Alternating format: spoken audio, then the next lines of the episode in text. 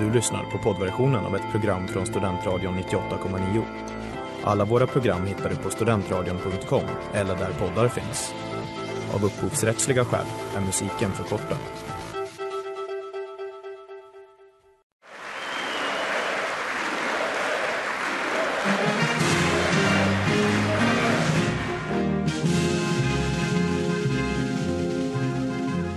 Sweden is one of our oldest and closest Du partners. sa det, det är ett viktigt land för When I talk about democratic socialism, America will never be a socialist country. I'm looking at countries like Denmark and Sweden. We don't want to be Sweden. we want to be the United States of America. Look at what's happening last night in Sweden. Sweden. Who would believe this? Sweden. Ja, välkomna till veckans avsnitt av The Swedish Democrat, en socialist på resa. Ja, vad hände i Sverige? Igår kväll sa Trump där i introt och idag ska vi prata lite om vad hände i USA förra veckan. Det var ju Super Tuesday för eh, exakt en vecka sedan och jag tänkte idag att vi skulle prata lite om vad det egentligen var som hände där och framför allt vad kandidaterna gjort sedan dess. Lite fokus på Bernie Sanders, inte bara för att Bernie är min kandidat utan för att han nu har lagt om sin strategi inför den fortsatta valrörelsen och då tänker jag att jag ska prata lite om det. Det är ju val idag igen i ett flertal delstater. En liten mini Super Tuesday och den viktigaste delstaten i natt um, enligt mig och skulle jag säga enligt de flesta bedömare är ju Michigan och jag tänkte att vi skulle prata lite om Michigan och vad vi kan förvänta oss av dem i natt.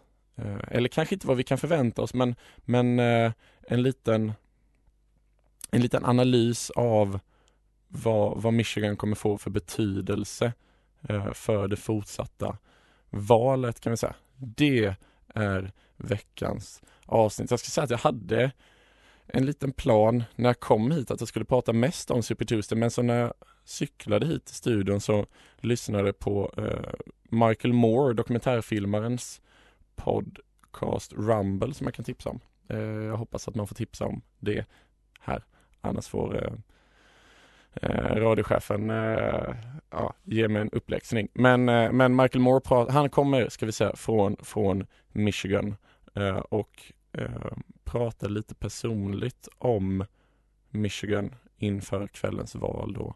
Eh, ett avsnitt som han släppte idag på morgonen och jag, när jag lyssnade på det, eh, mindes, för jag har själv varit i Michigan för eh, fem, sex år sedan och det väckte lite tankar kring min resa dit. Så jag tänker att det kommer bli, eh, ja, men bli det blir lite ändrat fokus. Jag, jag kom på bättre tankar när jag cyklar hit så att eh, vi får se vart vi landar. Men lite Super Tuesday, lite Michigan är väl vad vi kan vänta oss eh, den här kvällen. Men eh, först tar vi lite musik.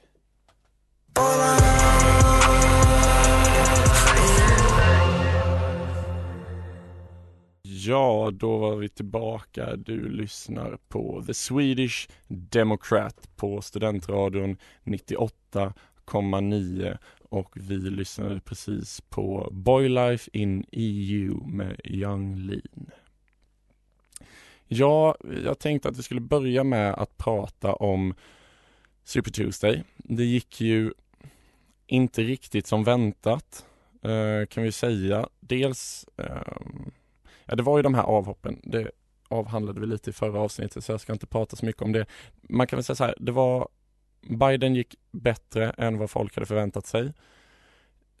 Sanders vann i, i de delstater Sanders ska vinna i. Hade, hade Biden kunnat vinna i Kalifornien eller Colorado så, eh, så hade ju Bernie bara kunnat eh, lägga av de delstater som han ska ha, som är progressiva och som Eh, så att säga gör uppror mot eh, den federala regeringen eh, genom olika lagstiftningsåtgärder eh, eh, både gällande eh, ja, men till exempel legaliseringen av Mariana eller att man eh, väljer att ta emot flyktingar eller Kalifornien skriver under Parisavtalet eller åtar sig att följa det eh, när Trump eh, gick ur och så vidare.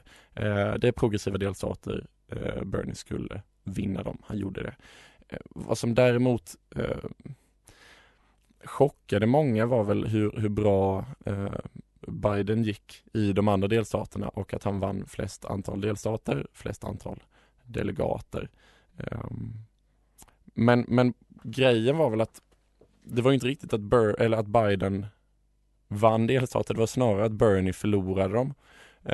Det var hela tiden givet att Biden skulle mobilisera de väljargrupper han mobiliserade. Och eh, förlusten, eller vad man ska säga om man står på Bernie-sidan, är väl att Bernie-kampanjen inte mobiliserade de väljargrupper som de har fokuserat på. Eh, för som jag pratade om i förra avsnittet så är ju anledningen till att jag är för Bernie inte bara för att han för en ekonomisk eh, politik som jag står bakom utan framförallt skulle jag vilja säga för att han har ett demokrati fokus som de andra kandidaterna inte har och rikta sig till målgrupper som de andra kandidaterna har uteslutit. Det pratas ju om liksom den, den missnöjda vita arbetarklassen och att det är den som Trump eh, vann över. Och det är den som, som, som Biden nu ska försöka locka till sig. Och det är ju bra. Men de röster som, som Bernie försöker få är ju framförallt, eh, som vi sa förra veckan, latinos och unga. Och eh, försöker utnyttja det faktum att valdeltagandet i USA är så lågt som det är. Och nu gick det tydligen inte att mobilisera de väljargrupperna till att gå och rösta. Eh, och innan vi går in på att prata om det så tänkte jag kolla upp lite intressant statistik kring, eh, kring valdeltagande eh, för att man ska få sig en liten bild av, av hur det ser ut. Och jag sa förra veckan tror jag att en tredjedel av amerikaner röstar. Eh, det var ju fel. Det är en tredjedel av, av amerikanerna som inte röstar. Eh, två tredjedelar röstar. Men valdeltagandet skiljer sig väldigt mycket mellan olika väljargrupper och arbetar, den vita arbetarklassen och eh, afroamerikanerna brukar ju vara demokraternas eh, primära väljarbas. Och det är klart att man kan värva fler därifrån, för alla de går ju inte och röstar. Men det Sanders tänker är att han fokuserar på väljargrupper som inte röstar i så stor utsträckning, för där kan man göra mer skillnad. Det är lättare att värva folk därifrån. Så i förra valet, 2016, presidentvalet, så röstade då 60 procent ungefär av totala befolkningen, de röstberättigade. Det var dock eh, fler eh, vita och svarta som röstade eh, procentuellt än, än latinos. Eh, 65 procent av vita röstar, 60 procent av svarta, men bara 50 procent av latinos. Eh, och likaså så fokuserar ju Sanders på den yngre målgruppen och alla målgrupper över 30, där röstar en majoritet. Eh, av pensionärer 65 plus så är det 70 procent som röstar och sen ner till 60% för medelålders 30 till 45 men bara 45% av 18 upp till 30-åringar. Så att Sanders fokus har varit på att mobilisera de här grupperna. Det gick ju eh, uppenbarligen inte. Och du har då eh, Sanders-kampanjen bytt taktik, ställde in många kampanjmöten i till exempel Mississippi, valde att fokusera på Michigan där, som är en typisk eh, vit arbetarklass delstat. Och eh, varför har man gjort det? Det är det jag tänker att vi ska prata om under den här timmen.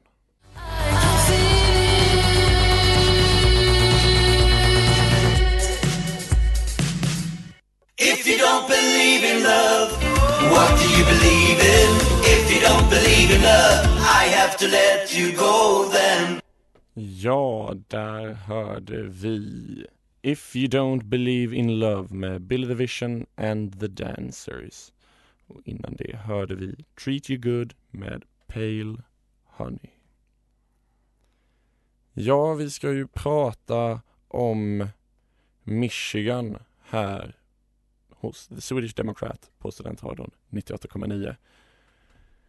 Men först tänkte jag gå tillbaka till lite det jag sa innan musiken. Jag var inne på lite statistik kring, kring eh, vilka som deltar i valet i USA och skulle vilja ifrågasätta, inte fokuset på den afroamerikanska befolkningen, men det uteblivna fokuset på eh, den latinamerikanska. Eh, för den, Demokraternas fokus är som sagt afroamerikaner och vita arbetare framför allt. Sanders har då försökt mobilisera eh, latinos att gå och rösta och latinos, eh, som jag sa innan pausen, röstar inte i så stor utsträckning. Men latinos är den grupp som växer störst i USA och kommer att bli man gjorde en, i år kommer man göra en, en folkräkning i USA, census eh, kallas den. Den gör man vart tionde år för att ha koll på hur stor befolkningen är, för det påverkar eh, lite federala bidrag, men framförallt eh, platser i kongressen eftersom att de platserna delas ut beroende på vart folk bor och det är därför Kalifornien har flest, för att där bor flest människor. Och den myndighet som sköter den här folkräkningen har släppt olika prognoser kring hur för då frågar man, inte bara räknar man folk utan man ser också till då att, att fråga vad de har till exempel för etnicitet eller ras. Så det är någon slags, inte bara folkräkning utan någon slags amerikanska motsvarigheten till Statistiska centralbyrån kanske. Men i alla fall, då har de gjort en prognos att om 30 år ungefär så kommer den vita delen av USAs befolkning inte längre att vara i majoritet. Fortfarande den största etniska gruppen, eh, ganska rejält, men inte vara i majoritet. Och då är det inte afroamerikanerna som kommer på andra plats utan latinoamerikanerna. Det kommer år 2050 att vara hälften ungefär vita, en fjärdedel latinos och sen var sin åttondel blir det väl kvar då. Eh, asiatiska amerikaner och afroamerikaner. Så latinogruppen är en grupp som, som det kommer behöva bli mer fokus på framöver och som Sanders har fokuserat på inför den här kampanjen. Och det är tråkigt därför tycker jag att han inte lyckades mobilisera dem. För även om de i nuläget utgör en femtedel av befolkningen så utgör de bara en tiondel av antalet röster i valet. Så, så kan man få latinos att gå ut och rösta så kan man vinna val på det. Det har varit Bernies strategi hittills. Sen såg han att det inte riktigt funkade under Super Tuesday och han har nu valt därför att, att ställa in möten i, nu bor det inte många latinos i Mississippi, där han har ställt in möten, där han antagligen velat fokusera på den amerikanska befolkningen för att istället åka till Michigan som det här avsnittet då kommer att handla om. Och Michigan är ju som jag sa innan en klassisk vit arbetardelstat och Trump vann ju Michigan i förra valet och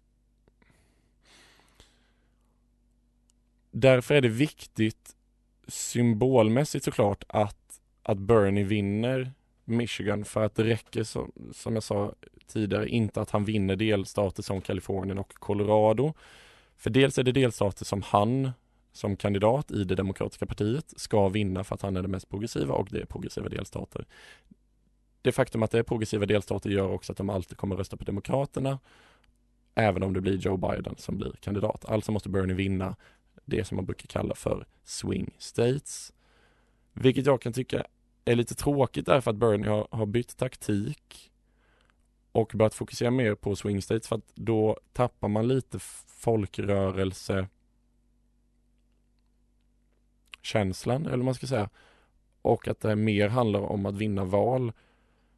Jag står ju fortfarande bakom Bernie såklart, men jag, jag står ju bakom, bakom honom mycket på grund av att det är en folkrörelse han vill bedriva och det känns som att han tappar fokus från det nu. Men som sagt, det är hans val var han vill kampanja och jag eh, ska ägna resten av det här avsnittet åt att prata om Michigan för att jag, jag ser också Michigan som ett bevis på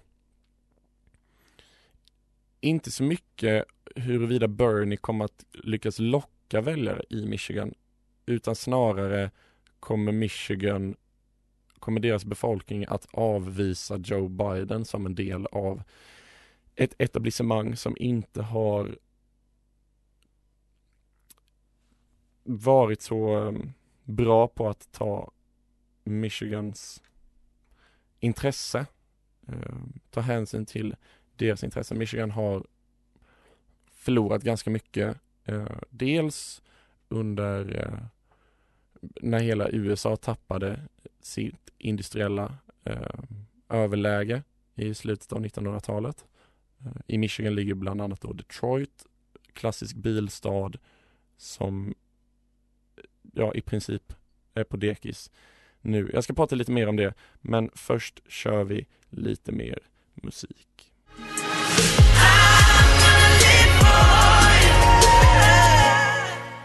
Där lyssnade vi på Swim med Mapei. Ja, men jag tänkte prata lite om Michigan idag. Michigan är som jag, som jag sa innan en klassisk vit arbetardelstat. Och det är viktigt för Bernie att vinna den, dels för att det är en swing state. Klassisk swing state, så att om Bernie kan visa att han kan vinna den så visar han ju att han är en kandidat som kan vinna mot Trump. Vilket ifall det blir ett splittrat konvent, om ingen av dem får en majoritet av delegaterna inför sommaren, så kommer det börja förhandlas och då har ju Biden lite förtur för att han är omtyckt av partietablissemanget, men om Bernie då kan visa att han är bättre än Biden i delstater där det räknas så kan han kanske ha en teoretisk chans att bli nominerad. Men i alla fall, Michigan har ju stora problem.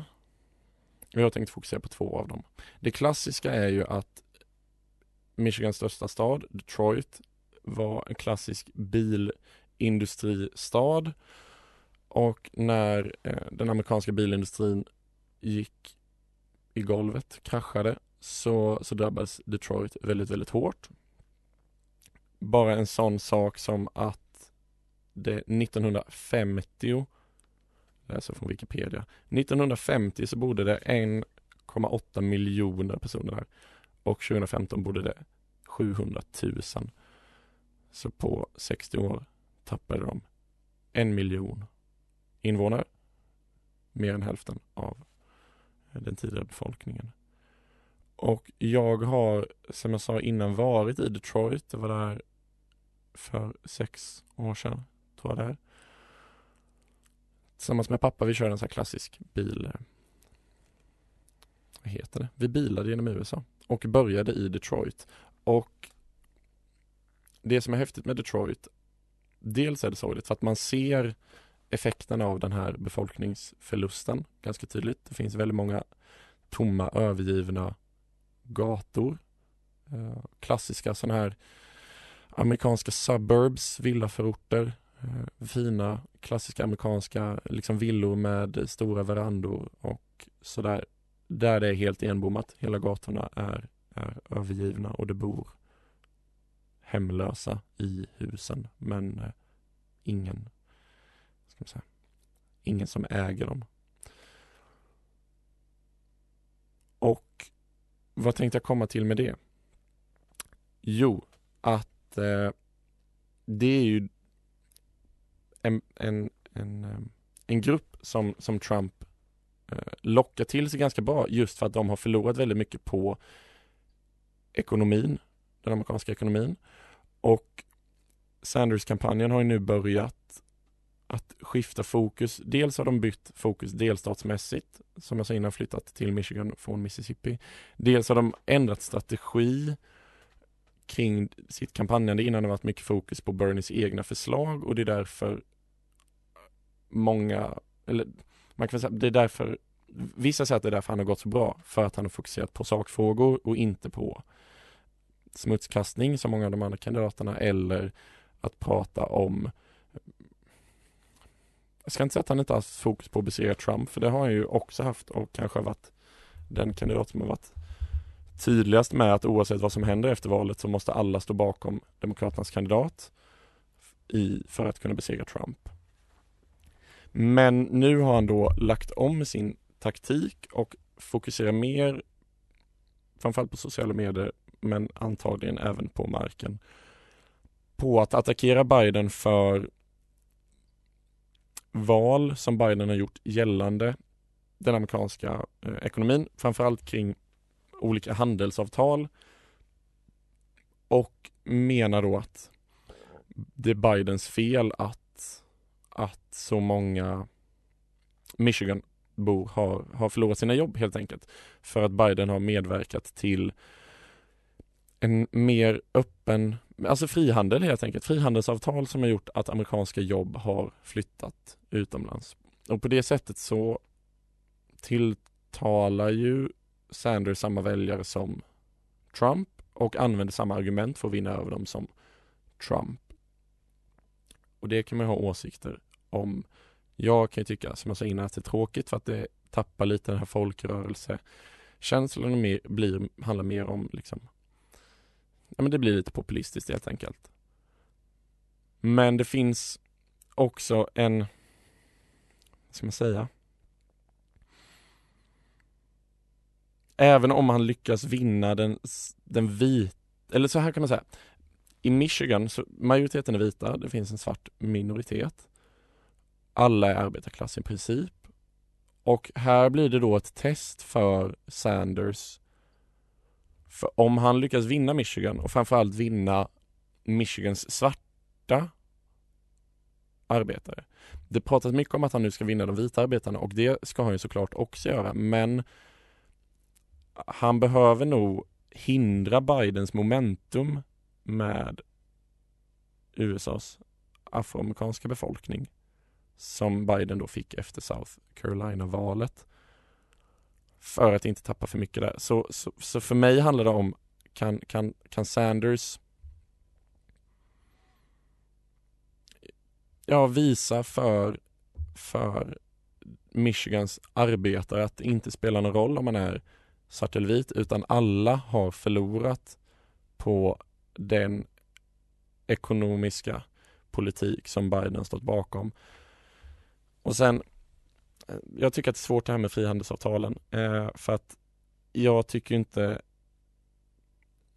att det är det, det, det, starkaste ekonomiska argumentet till att rösta på Sanders. Jag tycker att eh, han gör mer för ekonomin på andra håll och kanter men, men Michigan-befolkningen har ändå varit förlorare på ekonomin och kan han då visa att att det spelar ingen roll, för, för Biden spelar ju mycket på att han är Obamas tidigare vicepresidentkandidat och han har ett starkt förtroende hos den svarta befolkningen.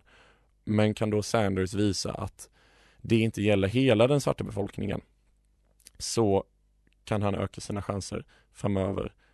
Inte så att han kommer börja vinna svarta sydstater men inte tappa så mycket i alla fall. Han har också värvat tidigare, jag tror att det var ja, i slutet av förra veckan var det väl som eh, Jesse Jackson, eh, tidigare, eller fortfarande är han väl eh, medborgarrättskämpe. Eh, kollega med kollega, säger man det?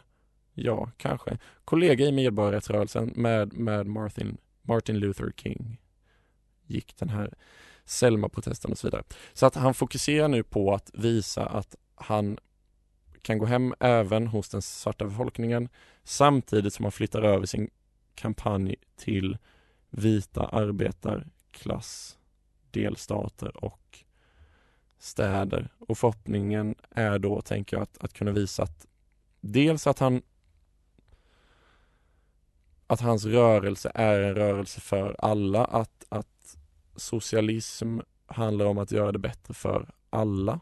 Någon slags solidaritetstanke och att många av de problem som USAs minoriteter möter har de gemensamt med vita arbetare. Samtidigt som man försöker visa att det finns problem som den amerikanska befolkningen möter, som inte vita möter, men som han också har en politik för att motverka. Så han försöker eh, ja, men hitta alla möjliga typer av argument för att vinna Michigan helt enkelt.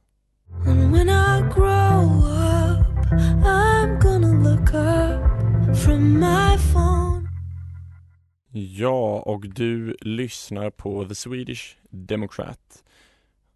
Låten vi hörde var Garden Song med Phoebe Bridgers. Ja, det har varit ett lite fram och tillbaka avsnitt idag, hoppat mycket.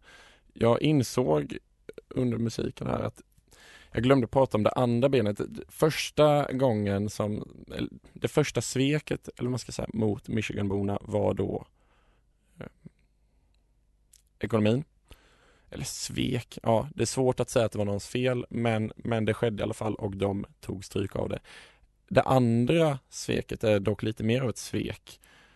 Jag sa ju att jag lyssnade på Michael Moores podcast Han cyklar hit. Han kommer från en stad som heter Flint i Michigan och Flint har inte haft rent vatten på över fem år. Det skedde någon slags skada i, i vattensystemet så det började läcka kvicksilver och det har lett till att hur många barn som helst mellan 5 och 10 000 eh, är de siffror jag har lyckats googla fram har blivit eh, kvicksilverförgiftade helt enkelt och kommer att få permanenta hjärnskador av det. När det här uppdagades så, så bad guvernören i Flint, eller i Michigan, om, om federalt stöd. Obama skickade federalt stöd, men problemet har alltså inte lösts än varken under Obamas tid eller under Trump. Så det som kommer att bli intressant är som jag sa innan, kommer den afroamerikanska befolkningen, framförallt i Flint, för Flint är en eh, majoritet afroamerikaner, kommer de att fortsätta rösta på Biden för att Biden har ett momentum nu och en historia av att, att vara en kandidat för den afroamerikanska befolkningen?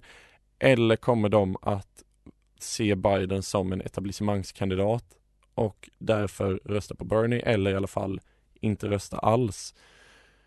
Det jag vill komma fram till är att det kommer bli intressant i natt i Michigan för att det här kan nog vara sista chansen att stoppa Bidens momentum även om Sanders eller så här kan man säga, antingen så stoppas Bidens momentum och det visar sig att Bernie går bättre hem hos arbetarklassen. Bernie kanske till och med lyckas komma ikapp och vinna nomineringen. Eller så vänds momentumet på så sätt att Bernie kanske inte får en majoritet konventet i sommar, men det lyckas bli ett splittrat konvent och Bernie har då vunnit Michigan och andra liknande delstater och kan då argumentera för att han är en bättre kandidat att möta Trump, att han kommer vinna i de här swing statesen.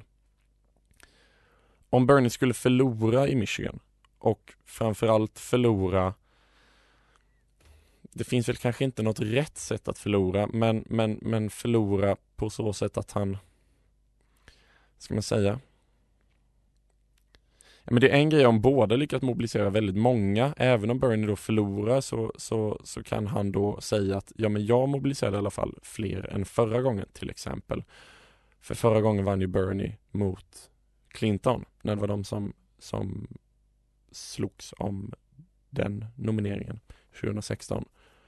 Och kan han då säga att han mobiliserade fler ändå? Ja, då har han ett argument för att vara kvar i racet för att då är det ju bara tråkigt för honom att Biden var också bra på att mobilisera. Men om det skulle bli så att, att, att Sanders-kampanjen dels förlorar och dels förlora utan att locka fler väljare än förra gången så är det kört kan man säga för Sanders som kandidat. Men jag tror inte att han kommer att lägga av för det för att han hängde ju kvar länge i nomineringsvalet 2016 och gav inte upp förrän det var slut. Även fast det, det It ain't over till it's over Men, men det var ju över ganska snabbt för honom den gången. Men jag tror att han kommer stanna kvar för som jag sa i förra avsnittet så är det ju ändå en folkrörelse han bedriver och han siktar på något sätt på men the long run, vad säger man på svenska? Han, han, vill, han vill genomföra en, en Många säger att han är radikal och ja det är han ju sett till hans förslag men han har ju också en långsiktighet som de andra kandidaterna inte har. Så även om han vill att saker ska hända nu, nu, nu så är han ju medveten om att, att saker går, att saker tar tid helt enkelt.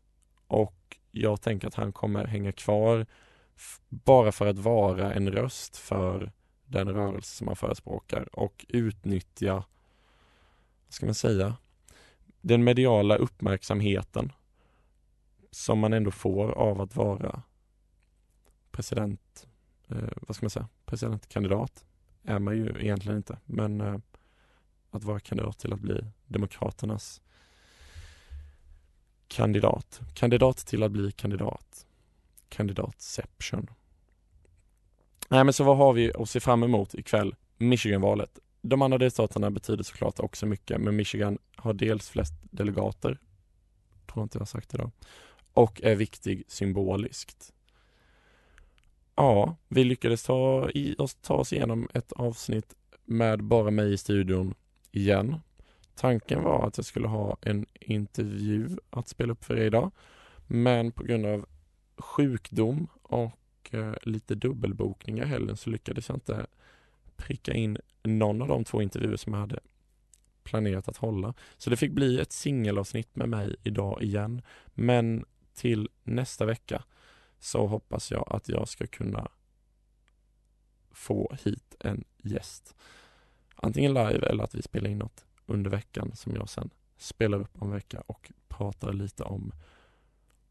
Så det blev ett lite rörigt avsnitt idag kan man säga, lite fram och tillbaka. Jag hade en liten idé som sagt om att prata om Super Tuesday och sen på vägen hit så vill jag prata lite mer om Michigan och jag vet egentligen inte om jag pratar så mycket om Michigan heller. Det var väldigt mycket statistik idag. Jag har försökt marknadsföra det här programmet som att vi inte ska prata så mycket om statistik. Då har jag mest tänkt på valundersökningar och sådär. Nu blir det lite annan typ av statistik. Kanske ska undvika statistiken framöver. Ja, vi får se vad det blir för typ av avsnitt nästa gång. Men eh, det här var avsnittet för den här gången och jag önskar alla en riktigt trevlig kväll. Du har lyssnat på poddversionen av ett program från Studentradion 98,9. Alla våra program hittar du på studentradion.com eller där poddar finns. Och kom ihåg, att lyssna fritt är stort, att lyssna rätt är större.